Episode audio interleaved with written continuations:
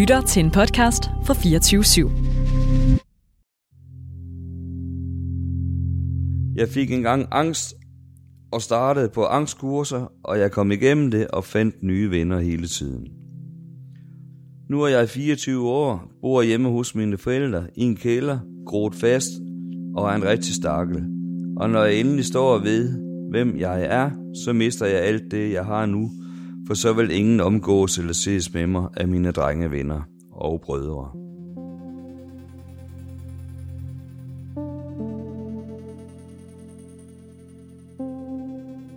Kane er blevet dumpet af sin kæreste og dømt af retten. Og han begynder at synke dybere og dybere ned i det hul, han selv har gravet. Jamen efter at jeg er blevet dumpet, så, så rammer jeg jo virkelig, virkelig bunden. Jeg spekulerer simpelthen hele tiden på, hvordan jeg skal kunne leve mit liv.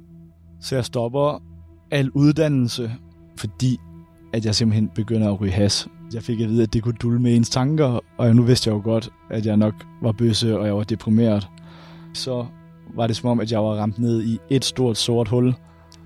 Og så havde jeg jo så to år, som jeg nærmest havde trukket ud af mit liv. Der er det ligesom om, at der står mit liv fuldstændig stille.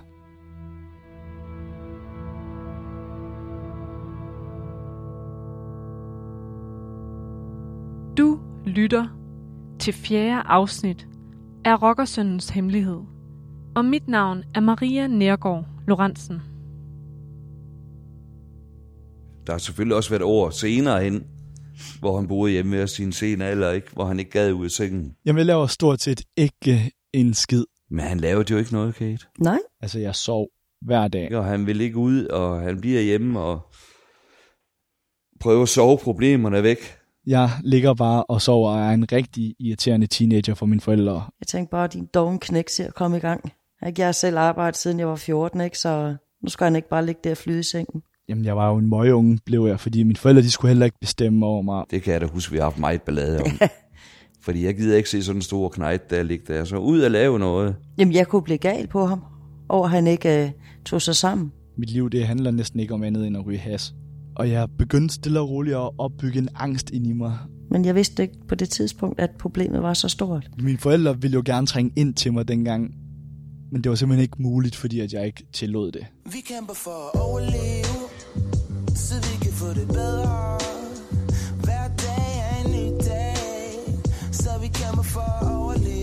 Der var en, der var lidt grumpy i en periode, eller virkede sådan lidt... Øh, altså, det kunne være mange ting. Det behøvede ikke at være, at han var deprimeret. Det var, Nå, han har lige fået lidt for meget krudt, eller lige øh, taget lidt for mange piller i den her periode, eller whatever. Du ved, altså, det stort set alle var øh, også venner dengang, vi, vi tog steroider og sådan noget. Øhm, og hvis man var aggressiv i forvejen, så blev man i hvert fald meget mere aggressiv på, på, øh, på steroiderne, ikke også? Så, så, så det har man overhovedet ikke kunne mærke på ham.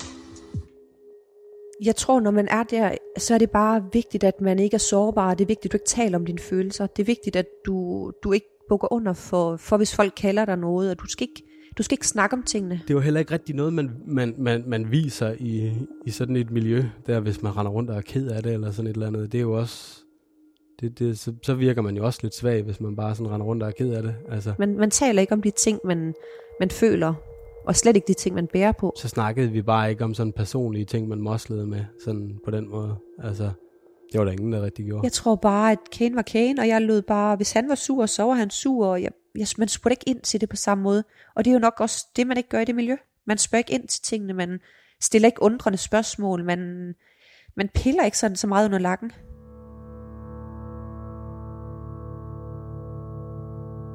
Min ekskæreste der, hun har jo så formået at fortælle hele byen jo, at jeg jo så er bøsse.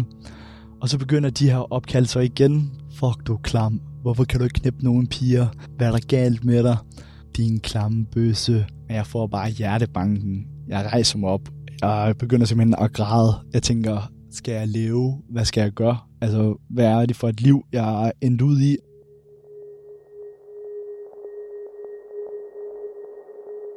Jeg var rigtig bange for livet som bøsse. Jeg var rigtig bange for at ende uden nogen venner. Jeg var rigtig bange for, at mine brødre og min far alligevel ikke ville kunne acceptere mig. kan jeg leve sådan her i skjul, som skjult homo? Og det troede jeg jo så på, at jeg på en eller anden punkt godt kunne. Samtidig med, at jeg havde håbet om, at en eller anden dag, så møder jeg drømmekvinden, som er den kvinde, der kan vende mig rundt.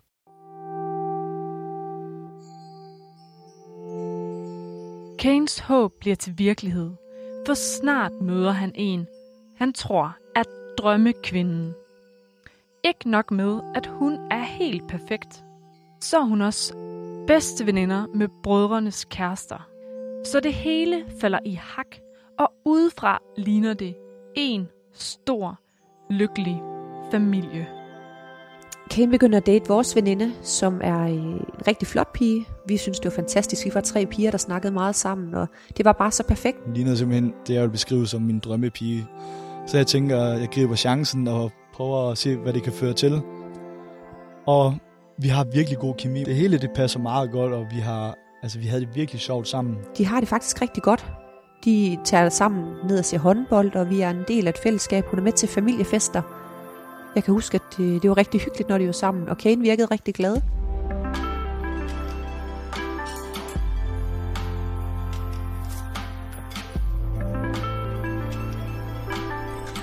Vores familie så virkelig, virkelig perfekt ud, udover at vi jo ikke lige havde det sidste.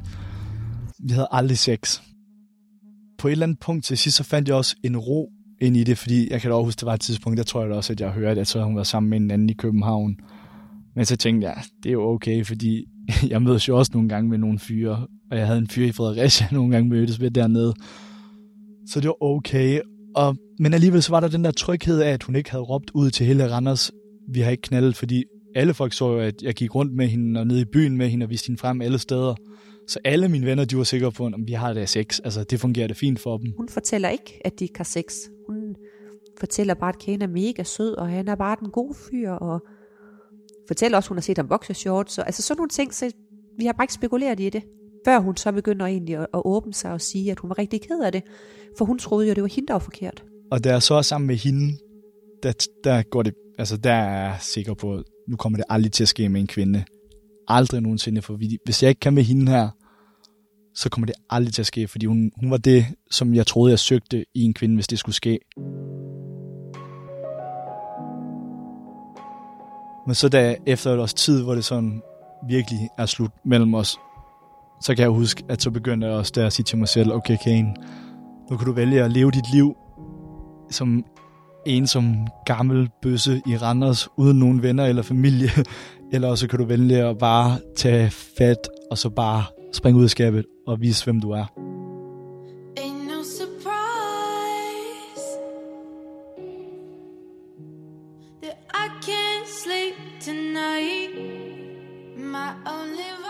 Hver weekend, det var ligesom om, at jeg sagde, næste fredag, der siger jeg simpelthen til mine venner og min familie, at jeg er bøsse.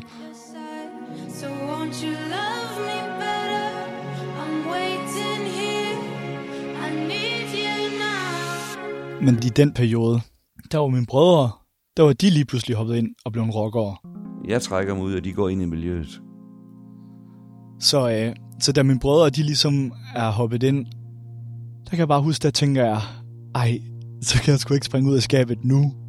Så er jeg simpelthen nødt til at vente på, fordi der gik lige noget tid, før at man skal lige igennem nogle ting. Man skal først lige være prospect, og der går lige et års tid eller to, før at man ligesom er fuldgyldig medlem af det her, det her rockermiljø.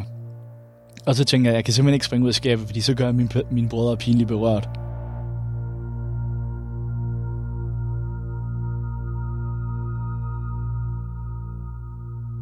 Jeg var meget deprimeret. Altså hver weekend, der festede jeg og tog stoffer, og så havde jeg jo bare min hverdag, hvor jeg arbejdede. Og så festede jeg og tog stoffer, og tilbage igen. Så jeg kørte lidt bare i sådan en ond cirkel, hvor det fungerede fint udad til, men det fungerede jo slet ikke for mig selv. Jeg kunne bare ikke se lyset for enden af tunnelen på nogen som helst måde. Når min familie var så var så hårdkogte, hvis man kan sige det, så stadigvæk altså en kærlig og en blød familie, men mange af de ting, som der var gjort og sket, grundet respekt og magt, det, det prægede mig super meget. Jeg kunne ikke se, hvordan jeg lige pludselig en dag skulle komme og sige, at jeg er bøsse, og jeg har altså, jeg får altså en, en mandekæreste. For jeg synes, ikke selv, at det matchede ind eller passede ind nogen steder. Midt i al angsten og ensomheden får Kane en veninde, han kan dele det med. Jamen, jeg lærte jo Kane at kende for cirka 10 år siden, Min kusine, hun havde en veninde, der hed Shani. og vi fik egentlig ret hurtigt et meget tæt forhold. På en eller anden måde, så fik hun mig til at slappe af. Men Da vi bliver venner der, øh, begynder vi egentlig at ses den 3-4 gange om ugen. Og han begynder at åbne sig stille og roligt op.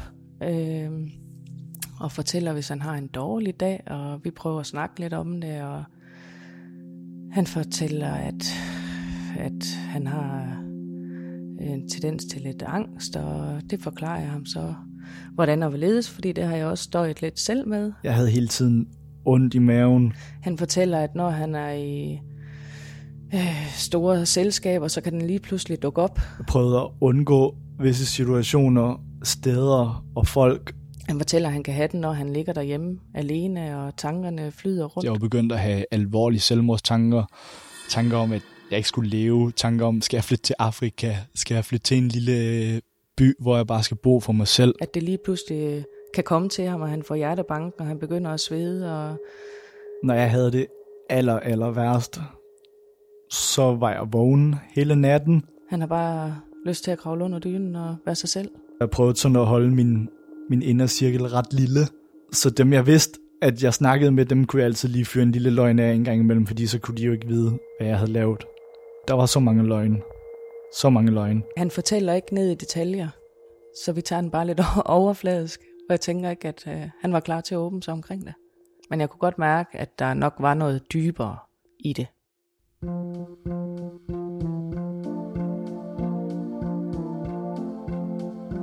Nogle gange for at få ham til at mærke sig selv, satte jeg egentlig en CD på, der kunne afstresse ham lidt.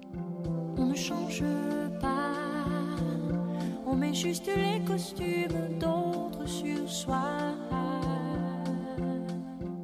Og så lå vi der og, og snakkede og satte en afstressende CD på, noget mindfulness, og så hørte vi lidt Adele og lidt Celine Dion og sådan nogle ting.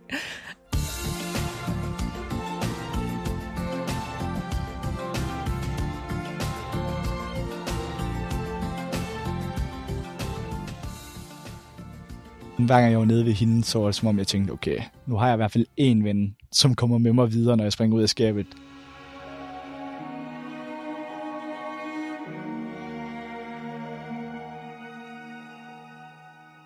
En dag så er jeg 23, og jeg, jeg kan simpelthen ikke tænke på, om jeg gør mine brødre eller min familie pinligt berørt mere. Nu er jeg nødt til at tænke på mig selv.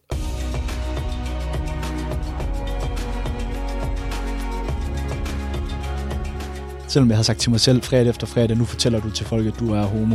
Jeg kunne bare mærke, at jeg kunne simpelthen ikke få det over mine læber. Jeg, kan simpelthen ikke, jeg kunne simpelthen ikke få det sagt. Så jeg planlagde det ned til mindste detalje. Så i løbet af de sidste to år, der har jeg skrevet personlige breve til mine bedste venner, og til mine brødre, og til min mor, og min far, og mine veninder, som jeg ligesom har følt, der har været med til at holde mig op i de her sidste par år.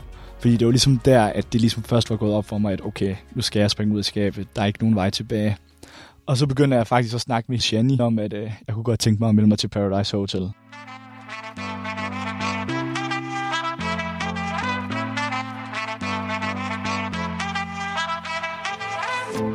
Det var genialt.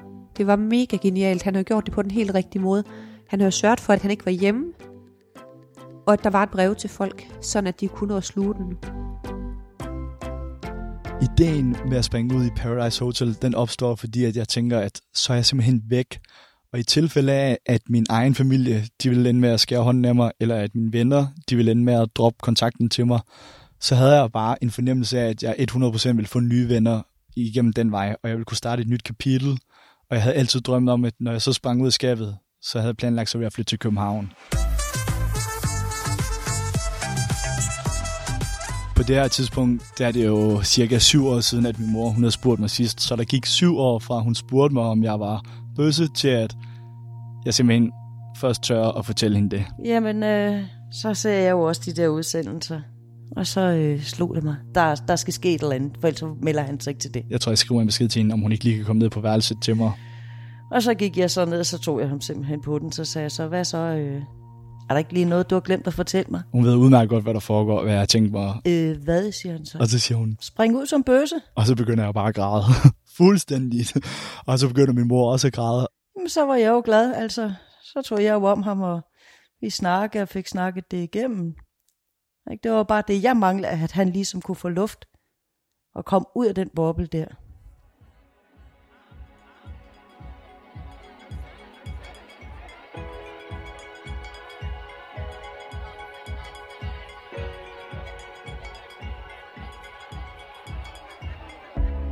Jeg er til en øh, forfest over i København, hvor vi har lejet en stor hytte et sted. Og lige pludselig så kan jeg så se, at jeg modtager det her opkald. Og så skynder jeg mig så at løbe væk fra de andre. Og jeg tager den så, og hun siger så, Hej Kane, det er Karsten og Janne. Jeg vil bare sige stort tillykke, du skal afsted til Mexico.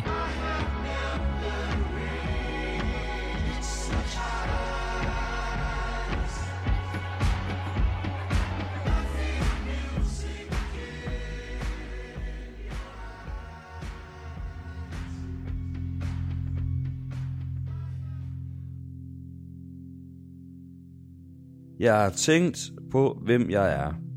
Jeg er nu, og fuck om jeg så står alene. Jeg skal have mig et liv nu og en fremtid. Jeg elsker dig højere, end du kan forestille dig, og du har givet mig verdens bedste liv og opvækst, og et liv fyldt med de allerbedste minder, som jeg har taget med mig.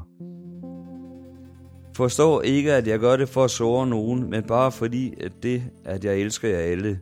Og husk, livet går videre, så nu vil jeg stå ved, hvem jeg er, ellers er jeg sgu en rigtig bums og mister livsglæden. Jeg regner ikke med støtte fra nogen andre end dig. Elsker dig, mor.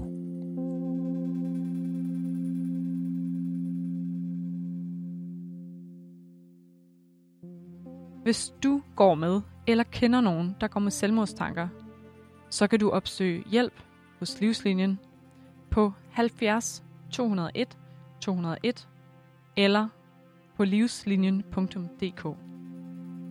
Kanes brødre er blevet tilbudt at medvirke i podcasten, men det har de takket nej til.